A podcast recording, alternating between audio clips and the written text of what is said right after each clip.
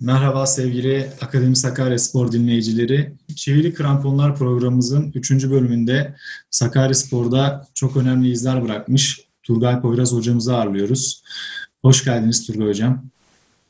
Hoş bulduk. Teşekkür ederim. Ee, sizleri bu programda ağırlamak bizim için büyük bir onur. Ee, bugün sizin biraz da yaşam öykünüze değineceğiz ve Sakaryaspor'a e, gelişinizi, sonrasında yaşadıklarınızı, efsane kadrodaki anılarınızı sizden dinleyeceğiz. Aynı zamanda da hem bugünün Sakaryaspor'u hem de Türk futbolu, futboluyla alakalı geleceğe dönük görüşlerinizi de öğreneceğiz.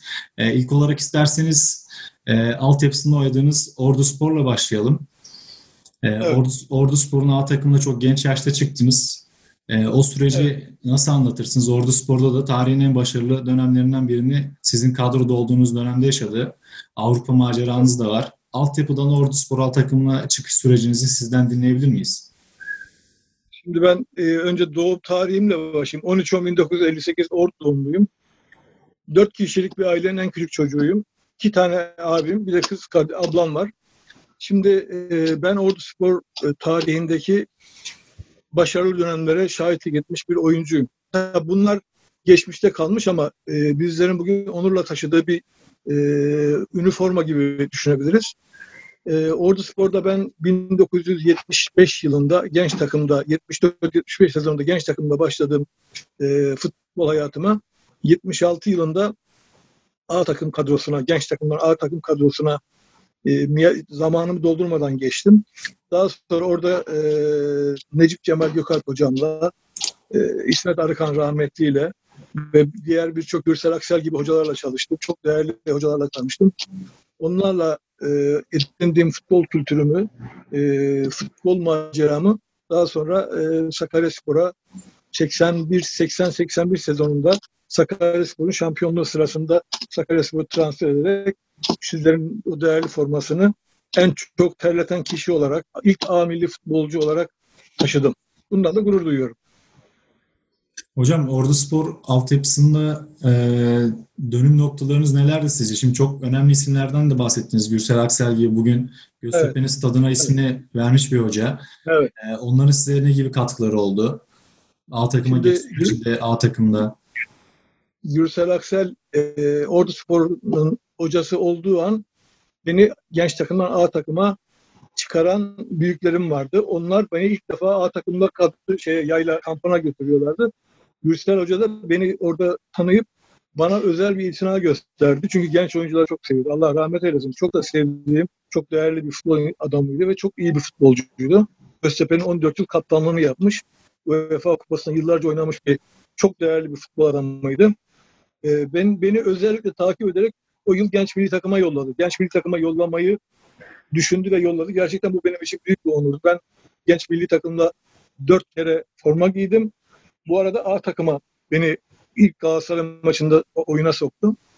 Ve o rahmetli hocamız e, çok kötü bir trafik kazasında, trafik kazası değil, Rize'de bir benzinlik patlayarak, yanarak can verdi. Onun rahmetle yad ediyorum. Çok değerli bir insandı. Ailesine, hepsine Allah sabırlar versin diye bugünden söylüyorum. Biz de kendisini saygıyla anıyoruz. Ee, hocam evet. bir de Ordu Spor'da A takıma çıktıktan sonra e, Avrupa maceranız da oldu. Biraz evet. da isterseniz ondan bahsedelim. Banik Ostrava maçı var sanırım. Evet, şimdi ona geleceğim zaten. Biz daha sonra Gürsel Hoca beni e, yetiştirdi. Ben bir yıl sonra A takıma yükseldim. İsmet Arıkan hocamla e, bir sezon bitirdik. O sezonda ya çok fazla yer almadım. Daha sonra biz e, altyapıdan oyuncular bizlerle beraber yeni bir takım kuruldu.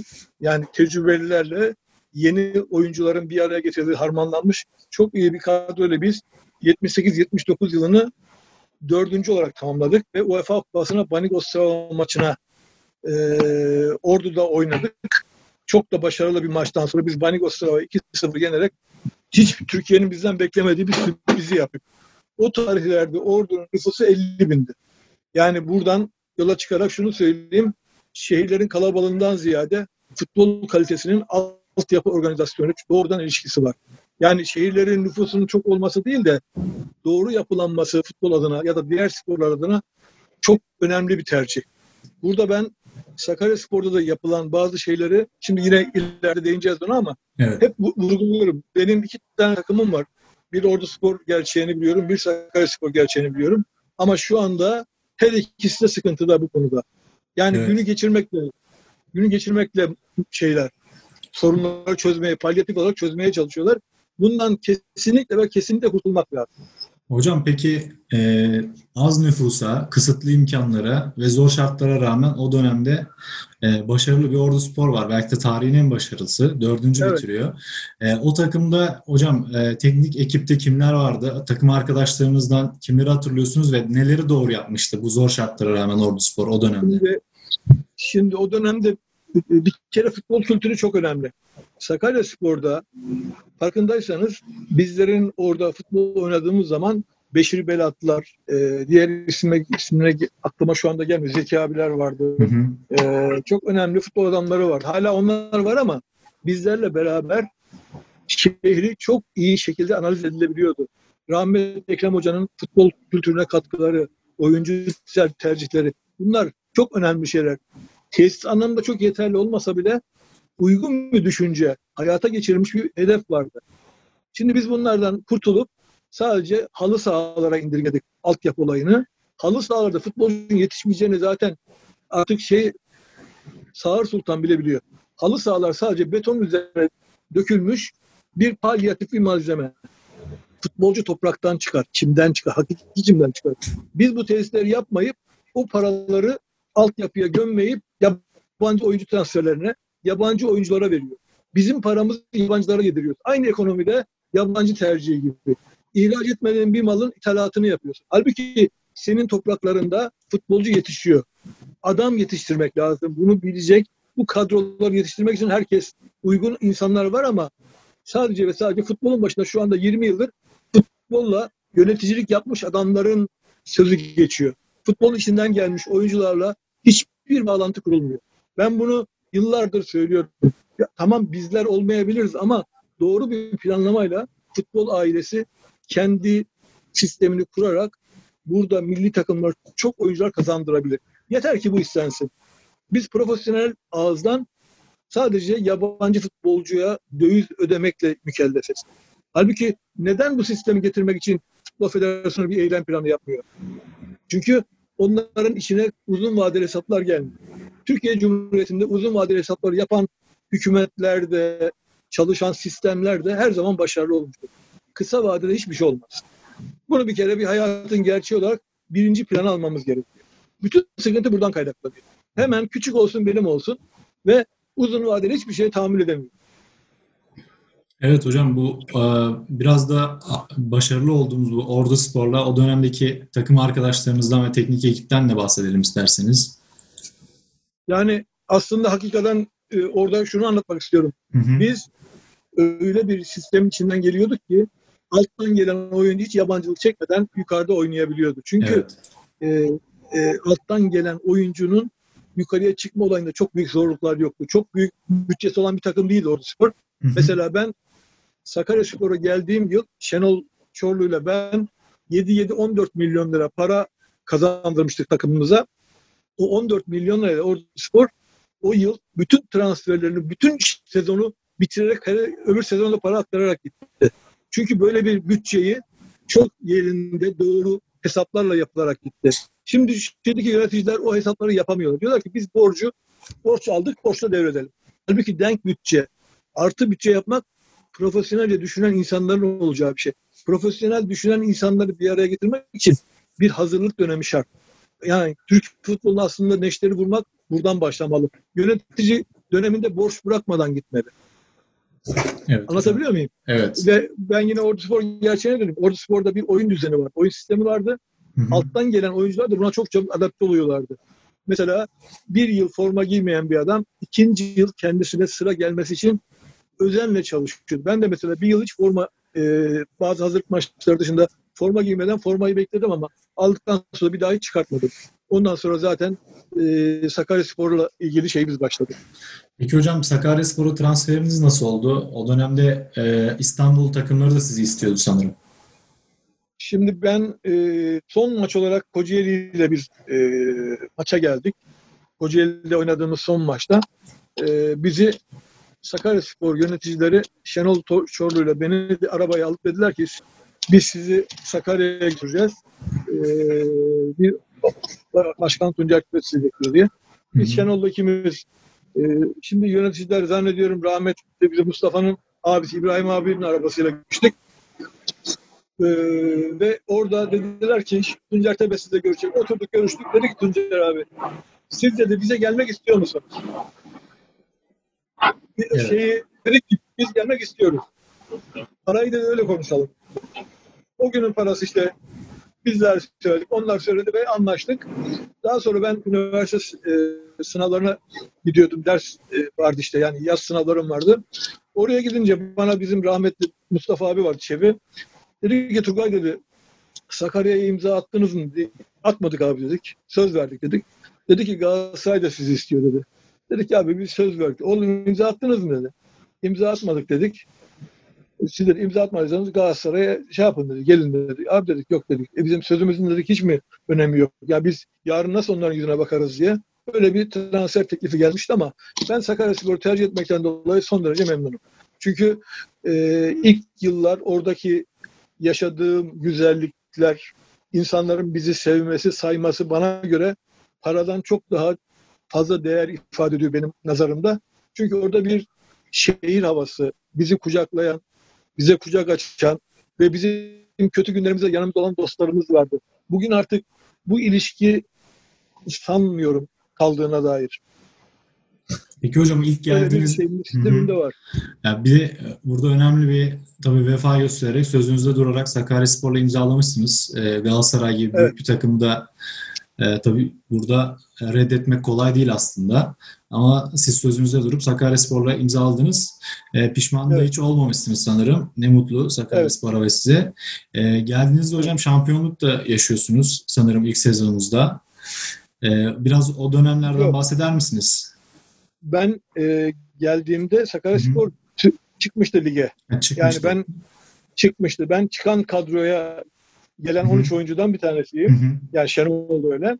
Ama şunu söyleyeyim yani e, futbol tarihinde çok azdır böyle 13 tane yeni oyuncu gelip o sezon 7 haftayı lider olarak bitiren yani ikincilikten çıkıp da birinci lige yani bugün için Süper Lig'e gelen e, hı hı. birincilikten Süper Lig'e gelen bir takımın 7 haftada lider olması Türk futbol tarihinde görülmüş bir şey değil. Çünkü bizim takımımız enteresan bir şekilde müthiş bir uyum sağladı. Biz yani Fenerbahçe'yi İstanbul'da yendik. Ee, Zonguldak, Zonguldak'ta 1-0 yenilmeseydik o hafta da lider oluyorduk ama o, o maçı ben hiç unutmuyorum. Yani onların kalesine bir sürü gol kaçırdık. Bir tane gol yedik. Ve bize inanır mısınız Tuncel Tepe o zaman prim verdi o maçın peşinden. Çok iyi oynadığımıza dair. Mağlubiyete yani rağmen böyle, prim verdi. Böyle maç. evet. Mağlubiyete rağmen çünkü hakikaten çok iyi oynadık. Çok iyi birbirimizi tamamlayan bir takımdık. Milan Jiva Dinovic gelmişti o zaman. Hı hı. O da ayrı bir yeri var. Yani diyeceğim şu. Bu anlattığım tabii yaklaşık 38 senelik hikayeler bunlar da. Ama güzel tarafı şu. Biz orada çok güzellikler yaşadık. Hele e, bazı anılarım var ki onları böyle hep hatırladığım zaman böyle tüylerim diken diken olur. Vatandaşın bir tanesi bana böyle şey sundu. Ee, bizim çeşm evimin oradan geçiyorum. Kırmızı ışıkta durdum şeyi bekliyorum yanmasını. Oradan kasap bir arkadaş kulakları şınlasın. Bana kucağıma şey attı, paket attı. Dedim bu ne dedim ya. Abi dedi afiyet olsun dedi. Ben şey yaptı. Meğer et hazırlamış. O gün çok iyi oynamışım ben o maç. Yani bunu insanlar bunu severek yapıyorlar. Benim çok yoksa yani onların parasını veremeyecek bir adam olmadığımı biliyor benim. O da zaten iyi dostum da. Bunu bir değer yargısı olarak ortaya koyuyorum. İnsanların böyle haşır neşir olması başarının bence ön unsurlarından bir tanesi. Evet hocam şehir ve takım birlikleri sağlanmış o dönemlerde. Evet, so- evet. Sonrasında aslında siz Sakaryaspor'da uzun süre forma giydiniz. E, hem takımın evet. inişleri çıkışları da oldu. E, tabii evet. sonrasında Türkiye Kupası'na uzanan bir yolculuk da var. E, evet. Bu bu dönemi nasıl anlatırsınız hocam? Hem küme düşen sonrasında tekrar yukarıya çıkan siz bunların hepsini yaşadınız. E, ama evet. şehir birlikteliği takımla o zamanlar daha güçlüydü. E, o günlere dair neler söylemek istersiniz? Şimdi Sakaryaspor'un e, Tuncer Tepe ile ilgili bir tarihi var. Yani Tuncer abinin Sakarya şehrine yaptığı hizmetleri o günkü şartlarda kötü dönemleri de dahil olmak üzere ben saygıyla karşılıyorum. Yani Tuncer abi bugün Sakarya şehrine futbol adına en önemli katkıyı sunmuş insanlar 10 tanesinden ikincisi değil birincisidir. Çünkü benim hatırladığım tarihle konuşuyorum. Yalnız başkalarına saygısızlık etmek için söylemiyorum. Hı hı. Çünkü Tuncer abi e, futbolla ilgili çok entelektüel bir çevresi vardı. Yani bilmediği bazı şeyleri de deneme yanılmayla çok çabuk halledebiliyordu. Ve onun açtığı yolda bizler de Tuncer Tepe'nin bu e, forsunu öyle kabul edelim. Forsunun yanında bir de çok çabuk olaylara adapte olabilme e, kabiliyetinden faydalandı Sakaryaspor. Şimdi bir yönetim kurulu üyesi Tuncer Tepe çağırdığı zaman kesinlikle o şeye girmeye can atıyordu. Herhangi bir iş adamı, Sakaryalı bir iş adamı. Ama Hı hı. Tuncer abinin yapamadığı bir şey vardı. Tabii o günkü şartları ben çok değerlendirme şansına sahip değilim. Çünkü haksızlıkla hiçbirine haksızlıkla yapmak istemiyorum. Altyapı organizasyonunu daha profesyonelce düşünülebilseydi, yani Ekrem Hoca'dan sonra bu olay savsaklandı. Ekrem Hoca bir tarih tarihiyle dolu bir insandı. Onu rahmetle anıyorum. Ekrem Hoca gördüğü, yapabildiği kadarıyla bayağı bir oyun yetişmiş bir teknik adamdı. Ondan sonra bu işi e, Sakaryaspor bugün bile hala o şartları oluşturabilmiş değil. O yüzden burada tesisler her zaman yapılabilecek şeyler. Ama o tesislere layık belge, bilgi birikimi ve onunla dolu insanları yetiştirebilmek çok ayrı bir marifet.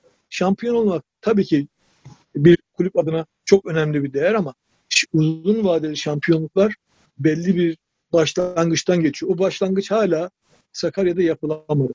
Kulübün yapısını demin konuşmaya başlamadan önceki anlattığım ola- olaylar benim bahsettiğim bütün kulüplerin ortak derdi. Bu kulüplerde herkes parayla olabileceği, tabii ki parayla oluyor. Olayların yüzde doksanı parayla oluyor.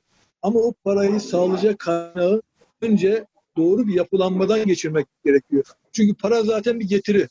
Ama doğru tercihleri yapamadığınız zaman o getiriyi bulamazsınız. Bulamadığınız zaman da ayakta kalmanız mümkün değil bu şartlarda.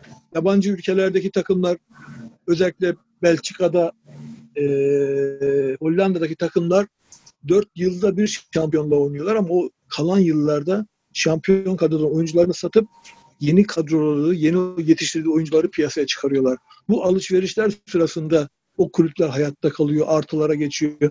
Biz de bu döneme geçmemiz için profesyonel yapılanmanın her şeyiyle doğru yapılması gerekiyor. Çünkü Türkiye'de hala profesyonel bir lig var ama amatör yöneticilerle götürülmeye çalışılıyor.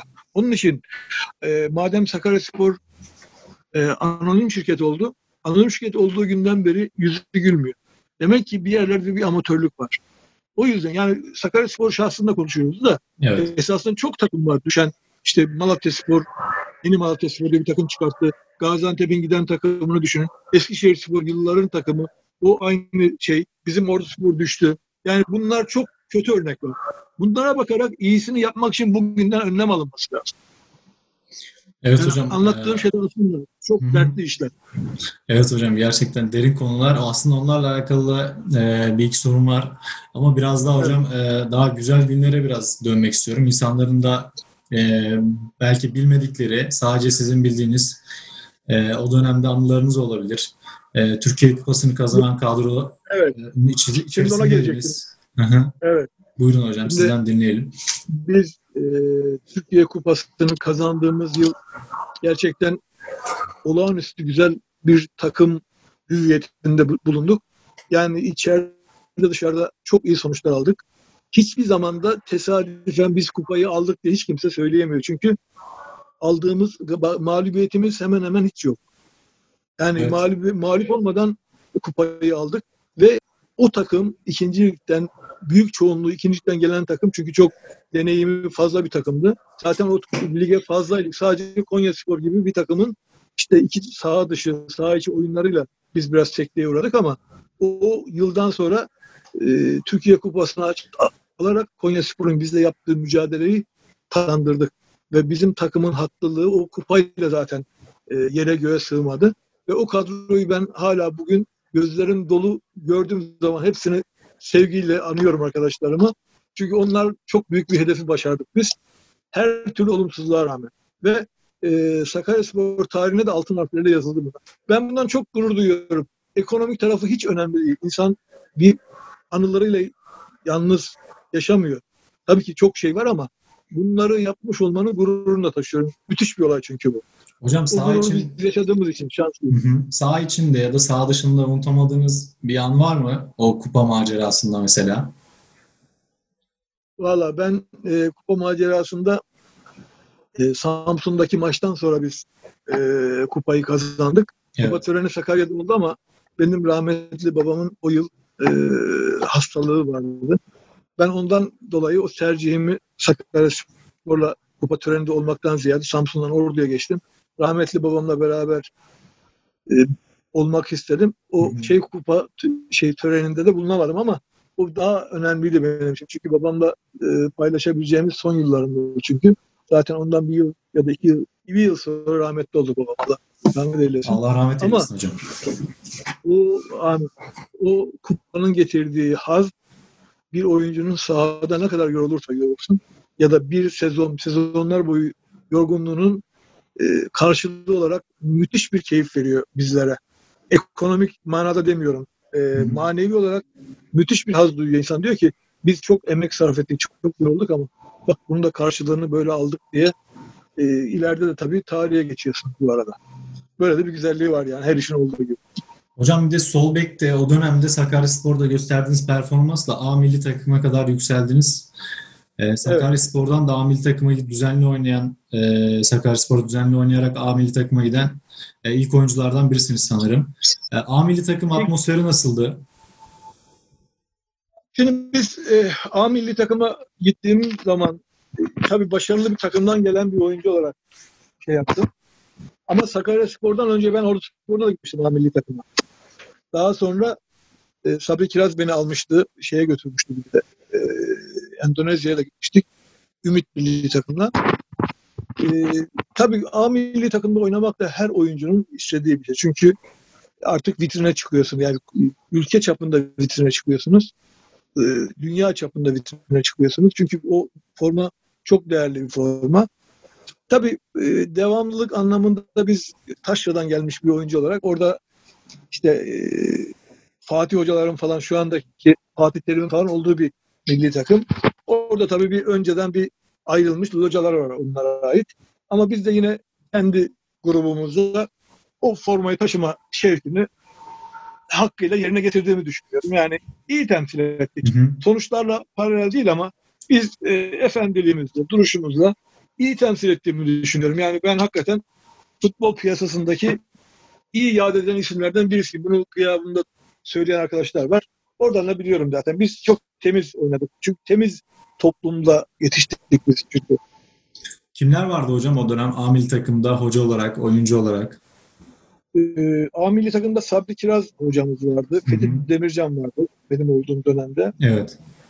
E, oyuncu olarak Fatih Terim, e, Şenol Güneş, e, Necati Trabzonspor'dan Necati. E, efendime söyleyeyim, kimler vardı? O dönemde hocam O- bir, bir de uyuşuyor muydu Sakaryaspor'un oynadığı oyun sistemiyle A milli takımın oynadığı sistem? Yok, milli takımlarda o zaman herkes kendi e, bildiğini oynuyordu. Yani çünkü bir hocanın bir haftalık e, toplanma ya da üç günlük toplanma sırasında oyuncularına vereceği bir oyun modeli yok. Sadece işte milli takım temsilen geliyor. Şimdi Hı çok yan yana oynayamıyorsunuz. Çünkü ancak böyle bir kamp dönemi, 15 günlük, 20 günlük bir kamp dönemiyle bir takımın belli bir oyun düzenini söyleyebilirsiniz ama kısa vadeli işlerde böyle bir şey olması zaten futbolla mümkün değil. Çünkü Hocam- çok yan yana oynamış insanlar yok. Hocam bir de ben şeyi merak ediyorum. Kişisel olarak da merak ettiğim bir konu aslında bu. Ee, Türkiye Kupası'nı kazanan kadro Necdet Niş e, dörtlü bir savunma sanırım e, oynatıyordu. Siz sol bek, sağ bekte Selçuk Yiğitlik, ortada Bilerim Mula ve Turan Safoğlu sanırım. E, yanlış mı Evet. hatırlıyorum? Doğru mu acaba bu sistem? Öyle olması lazım. Evet. Hocam o dönemlerde daha çok üçlü savunma da tercih ediliyor. Sakaryaspor'un böyle oynaması, ön- önünde Özcan Kızıltan, e, Serdar Şenkay gibi teknik bir isim, yine Oğuz Çetin gibi maestro var. E, Biraz daha Evet. hocam modern bir futbol görünümü de var. Solda Aykut Kocaman, e, ileride Sinan Turhan var. E, Sağda da Kemal Yıldırım. Ee, biraz evet. daha modern bir futbol oynadığını söyleyebilir miyiz e, o dönem için e, kendi grubunda, kendi döneminde Sakaryaspor'a? O o takımda şöyle bir avantajımız vardı. 86-87 ee, yılındaki şampiyon olan kadroya bir tek Kemal Yıldırım geldi. Bir yıl 85-86. Evet. Kemal Yıldırım o takıma geldi. Bir tek Kemal Yıldırım yeni gelmişti. Diğerleri zaten ezbere oynuyordu. Yani yan yana oynamaktan kaynaklı bir altyapısı vardı zaten. Evet. Kemal Yıldırım da bizim bütün problemleri çözen bir adam olarak çok faydalı oynadı o sene. Hı hı. Çok da başarılı oldu. Yani bir mevcut kurulmuş bir takımın bir üst ligi daha götürecek kadar başarılı oynadı. Yani bizim aslında doğru planlamanın bir getirisi bu. Evet. Çok fazla transfer yapmadan nokta transferiyle iş bitti. O yüzden çok Sakaryaspor'un işte o günkü planlamalar ekonomik zorluklara rağmen belli bir doğrularla yapılıyordu. Şimdi Sakaryaspor yeniden bir takım oluşturmaya çalışıyor. Geçen yıldan çok fazla ilgilenemiyorum ama bildiğim kadarıyla yine transferler yapılıyor. Oyuncular yollanıyor. Oyuncular geliyor. Halbuki bir kadronun ana hatlarıyla belirlenmiş tarafına siz iki ya da üç tane rötuş yapmanız lazım. Budur yani temel felsefenin bu olması lazım. Ama yeni baştan çünkü artık e, menajerler de ekmek yesin diye bu düzen kuruldu. Anlatabildim mi? Evet. Yani Türkçesi bu. Menajerler de ekmek yerse her yıl yeniden takım oluşturmak gibi Ordu Spor gerçeğinde de var buna. Yani Sakaryaspor eleştiri getirirken Türk futbolundan ayrı bir şey söylemiyorum. Bu menajerlerin de ekmek yemesi noktasında bir düzenek. Bunu kırmak lazım. Yani her takımın bakın federasyon dese ki ben kendi e, altyapısından her yıl beş tane oyuncu atan takıma oyuncuların çarpı on katı kadar da prim veriyorum diye bir özendirme yapsa hı hı. inanın Türk futbolu var ya 10 yılda inanılmayacağınız kadar alır. Bilgili adam sayısı var. Ama eylemi uygulayacak yönetici yok. Yöneten yok. Tetkik eden yok. Türk futbolunun arızası bu. Yetenekli oyuncuyu bulup ısrar etmek ama belli bir düzen. Mesela federasyon neden altyapı hocalarını kendisi kurslarında bitirdiği hocaları kendi maaşını vererek kulüplere yollamaz? Milli takımlar hocaları bu hocalara her yıl kurslar vererek belli bir futbol mantalitesini onlara verip kulüplerde uygulanmasını istemez. Belli bir yani sistem içerisinde yapılabilir evet bunlar. Evet. Kulüplerden kesilecek paralarla o hocaların futbolla ilgili altyapı şeyi verecek hocaların da maaşı ödenir. Kulüplerin gelirlerinden bu kesildiği zaman kulüpler hiç dokunmaz. Yani bunları yapmak için alim olmaya gerek yok. İzleyin bir Almanya'ya gidip bugün bir izleyelim. Her şey kendi içinde dön. Her şey. Onu kendi içine döndürmek için alim olmaya gerek, kimsenin ulema olmasına gerek yok. Sadece ve sadece Türkiye gerçekleriyle hareket etmekten başka bir işimiz yok. İnanın var ya, bunu yapsak biz hiç futbol adına birileri çok fazla konuşacak, bilmem ne yapacak değil. Her şey kendi içinde yürüyecek. Kendi mecrasında yürüyecek. Evet hocam. E, peki o zaman ben şu soruyu sorayım. E, şimdi dediğiniz daha size bahsettiniz biraz ama bu konuyu açabiliriz. Ee, şimdi yeni Ordu Spor, yeni Malatya Spor gibi e, şehir evet. takımlarının isimlerinin önlerine yeni kelimesi getirerek e, lige katılım sağlıyor. Bu şehrin diğer evet. takımları diyebiliriz ya da yeni oluşturdukları takımlar. Ya da FK FK ekleniyor. Evet, ga- ya da Gaziantep gibi FK ekleniyor. Evet. Yani sizin evet. bu konuya bakış açısı, açınız nasıl? Mesela bir Ordu Sporlu olarak Ordu Spor'da önemli başarılara imza atmış biri olarak e, sizin için yeni Ordu Spor ve Ordu Spor'a e, sizin bakış açınız nasıl? Gönlünüzde ikisinin yeri nerede? E, nasıl bakıyorsunuz bu duruma? Şimdi zaten diğer takımlar borçlarından dolayı tarihten siliniyorlar. Onların yerine kurulan takımlar zaten e, bir şey ifade etmiyor aslında seyirci nezdinde. Ama şu, şu anda şehrini temsil için Gaziantep'li adam diyor ki Gaziantep futbol kuruldu. Eski Gaziantep Spor öldü, bitti, yok oldu. Ordu Spor da öyle. Yani Aslında yenisi...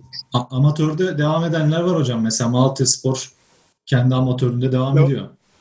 Devam ediyor şimdi. Ordu Spor da öyle ama şimdi onlar da Bal Ligi'nden e, şu andaki FK olan Ordu Spor'u tehdit ediyorlar. Biz işte esas Ordu Spor. Halbuki esas Ordu Spor, esas Malatya, esas Gaziantep öldü.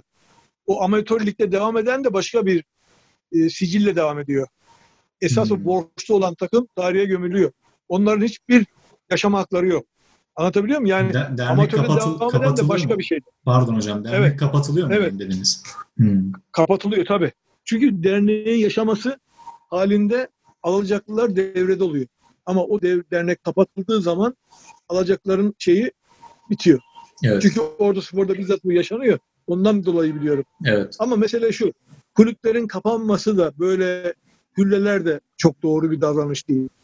Önemli olan futbol takımını kendi iş yerin gibi, kendi fabrikan gibi öyle yönetimler almalı ki ya da anonim şirket gibi yönetilmeli. Hisseleri alınmalı, satılmalı ama kulüp esas işlevlerine profesyonelce devam edebilecek zemini oluşturmalı. İşte o zaman şeye de gidersiniz. Ee, sermaye olarak da e, şeyde yer alırsınız. Borsada da açılır, açılabilir misiniz? Borsada evet borsaya açılıp şey yapabiliriz. Fenerbahçe Galatasaray'ın yaptığı Evet. gibi. Halka, halka gibi. açılabilirler. O zaman halk da der ki ben hisse aldım. Bu benim takımım diyebilir ve bu çok doğru bir davranış. Ama herkes ilikli gelip doğru işler yapılması için yönlendirmeli. Mesela sizin şimdi elinizde çok değerli mesela bu Sakarya'daki sizin grubunuzu çok beğeniyorum. Çok değerli insanlar var mesleki olarak da bu işe bakış açısında da sizlerin burada devrim yapması lazım şu açıdan. Şimdi Sakaryaspor artık eskisi gibi dernek olmaktan çıktı. Eskiden Sakaryaspor Kulübü derneğiydi. Şimdi bir çalışma var. Derneklerden e, şirketlere çevirecekler ama şirketlerin e, sermaye yapısını oluşturacak olan doğasıyla halk. Halkı bu konuda eğitmek lazım. Halkı bu konuda bilgilendirmek lazım. Ve bu yanlışa hiç, hiç şey meydan vermeden doğru bir şekilde bunu yapılandırmakla mükellefiz. O yapıldığı zaman işte gerçekten Sakaryaspor'un mal varlığı, oyuncu kadrosu hepsi halkın kendi iradesiyle seçtiği insanlarla yönetilmeli. Bu yapılırsa efendim yok işte onlar vardı, bunlar vardı, bu yönetim kurulu şu önerdi falan değil. Hayır. Gerçekten yönetecek profesyonel kalitede insanlar bunlar tercihlerini yapabilmeli. O zaman işte kulüplerin gerçek değeri ortaya çıktı. Biz bir aşama daha ilerisini konuşuyoruz şu anda. Evet. Yapılması gereken de bu olmalı. Hocam sizin yani doğru yönetim konusunda e, oldukça e, hem etkili hem de bu konuya kafa yorduğunuzu biliyoruz. E, futbolculuk döneminizde de ödemeleri yapılmayan futbolcu arkadaşlarınızı idmana çıkmamak için galiba bir ikna etme süreci olmuş. Verilen sözlerin tutulması için büyük çaba sarf Evet. etmişsiniz. Ya o dönemi de anlatabilir misiniz? Şimdi e, orada tabii e, rahmetli andığım Cevat abi rahmetli çok bizim sevdiğimiz insanlar. Cevat abi benim düğünüme gelmişti. Ordu'daki düğünüme bizzat. Ama şimdi bizim de olayımız şöyle. Biz o, o yıllar futbolla hayatını kazanan insanlarız. Belki çok popüler geliyor sizlere ama bizim de bir ailemiz, bir, bizim de sorumluluklarımız olduğu bir dönem. Şimdi kulüp de taahhütlerini yerine getiremiyor. Ordu Spor değil mi hocam? Hayır hayır Sakaryaspor'da Sakarya'da, Sakarya'dayken mi? Hı hı. Ordu'dayken de bu olaylar oldu. Şimdi Hı hı. yani şurada bir profesyonellik anlamında bizden beklenmeyen bunlar bizim çocuklarımız bunu yapmaz derken biz işte o, şeyi ben hem Ordu Spor'da yaşadım. Tabii bizim eee, bu baş kaldırımızdan dolayı alacağımıza tıraş vurdular. Bir 10 bin liram gitti benim o zaman parasıyla. Sakaryaspor'da da bu olay- olaylar oldu ama inanın eee, ben Tuncer abiyle geçen de bir şeyde karşılaştım. Oğuz'un babasının cenazesinde. Ve ben Tuncer abiyle de böyle bir olayımız geçti ama Hı hı. beni hasretle böyle çok kuvvetlice sarıldı, öptü. Ben de onu aynı şeyde. Bizim dostluğumuzdan en ufak bir şeyimiz yok. Ama ben o günkü şartlarda sadece ve sadece ekmek parasını isteyen bir insan olarak karşısına. Hı hı. Cevat abi de öldü Allah rahmet eylesin. Ben onları hep sevgiyle yad ederim. Çünkü hiçbir kötülük görmedim. Onlar da benden gör, göremezler. Çünkü bizim kalbimiz hala sevgiyle dolu onlara. Çoğu insana. Ama bu- burada bir karşılıklı yerine getirilmeyen vaatler var. Ben şimdi imza atmışım. Atıyorum 10 liraya. 10 Evet. liranın 1 lirasını almışım. 9 liram duruyor. Diyorum ki ben 9 liranın ne kadarını alabilirim diyorum. Belli değil. Mesela e, Fehim abi de Allah rahmet eylesin. Fehim abinin soyadı neydi? Fehim Saçar. Mesela onunla da böyle bir şeylerimiz oldu ama hiçbir zaman ben onlara kötü göz, o günkü onların yaşadığı zorlukları da biliyor. Ama ona rağmen bizim de kendi gerçeğimiz var. Yani burada o çatışmanın kaçınılmaz olduğu herkes için belli. Yani bu kulüplere bugün kazandırılacak olan şeyler onların böyle göze alamadığı, bazı ödemeleri yapamadığı için bizim karşımıza zorlanışları. Ama ben onların çok güzel, düzgün insanlar olduğunu bilerek onlara sadece dedik ki abi ne olur ya bunları hatta Yenal abi falan bir araya geldi dedi ki biz sezon arkadaşları topladık dedik ki biz bu sezon hiç para pul almadan sezonu bitireceğiz arkadaşlar. Takımı çağırdık. Biz o sezon 5. bitirdik. Hiç paralarımızı alamadık ama ertesi sezon küme düştü. Evet. Spor'da. Yani ya, bu bir hı. gerçek. Hocam bir de şöyle bir şey var Türkiye'de. Ee, evet. kend, kendi işte takımın evladıysa ya da yerli oyuncuysa mesela e, evet. bu, bu geçtiğimiz dönemde de bir açıklama vardı. E, biz işte paramıza yeri geliyor almıyoruz. E, ama yabancı evet. oyuncular alıyor. İşte bize daha çok değer verilmeli gibi böyle bir anlayış var ama bence hocam yani parasını isteyen bir insan hak ettiği parayı burada yanlış bir davranış içinde değil. E, sonuçta yani burada sizin yaptığınız da bence doğru bir davranış ve olması gereken de bu şekilde olmalı diye düşünüyorum. Şimdi e, aslında orada açmaz olan şey şu. Şimdi bugün bugün ben düşünüyorum. Mesela Fehim abinin, e, Cevat abinin, Tuncer abinin de sıkıntılı dönemlerinde bize karşı o bir hiyerarşik konumlarını zarara uğrattığımız düşüncesiyle onlar bize karşı böyle hafiften e, gönülleri kırılıyordu ama biz de bir mecburiyetimizi onlara ifade etmek için bunları söylediğimizde onlar çok iyi. Biz şimdi onlarla çok samimi dostluğumuz var ama o dostluğu zedeleyecek. Çünkü onların da bize sorumlulukları kendi cebinden veremeyecek kadar sıkıntılı durumlardan geldi. Yani öyle bir sıkıntı var ki orada. Şimdi Nezih'i falan bazen konuşuyoruz da bugün. Diyorlar ki hakikaten onlar çok temiz insanlar. Çünkü çatıştık. Çatışmamızda doğru bir gerekçeden kaynaklanıyor ama onların da kulübe gelir temin edeceği kaynaklar ters dönmüştü. O yüzden zaten onlar da bize bu taahhütlerini yerine getiremedi. Her zaman herkesin işi iyi gitmiyor. Çünkü kulüpler bugün artık bu profesyonel manada eğer yapılanırlarsa gelirleri, giderleri denk olursa o zaman belli bir planlama dahilinde böyle şeyler aksayacak. O zaman federasyon devreye girecek. Yani bir arada bir e, düzenleyici bir kurum olacak. Anlatabiliyor muyum? Tabii bu ki, kurum evet. olmadığı zaman kendi içinde takım küme düşmese bile ertesi yıl o acıyı yaşıyor. Hı hı. Evet hocam son olarak e, benim soracaklarımdan e, Sakaryaspor sizin için ne ifade ediyor? Hayatınızdaki önemi ya da anlamı nedir? Onu öğrenmek istiyorum. Şimdi ben e, Sakaryaspor'da profesyonel hayatımın e, kendi şehrimin takımının dışında ilk transfer yaptığım takım. Orası benim ikinci vatan. Çünkü doğum yerim oldu. Bir de e, ilk evliliğimi yaptığım yer, ilk çocuğumun doğduğu yer. Yani çok anlamı var ve çok dostumun olduğu, çok sevdiğim bir şehir. Gerçekten e, bir futbolcunun kişisel ilişkilerini en dip noktadan en tavana taşıyacağı bir ilişkiyi kurmuş bir şehir orası. Ve hala bugün gittiğim zaman da bir sürü dostlarımı görme şansına sahip oluyorum. Onun için şimdi buradan da bütün tanıdığım herkese çok çok selam söylüyorum. Orası benim ikinci vatan. Öyle söyleyeyim yani.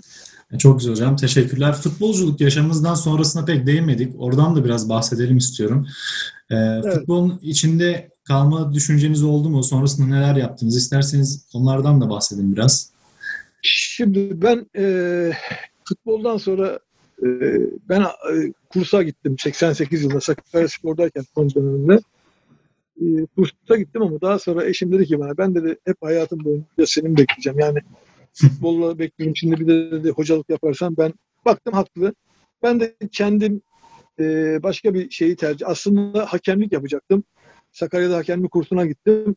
Ama sonra benim ne hikmetse o kursu bitirdiğim şey diplomamı Erdoğan abi Çamlıurt kulakları çınlasın.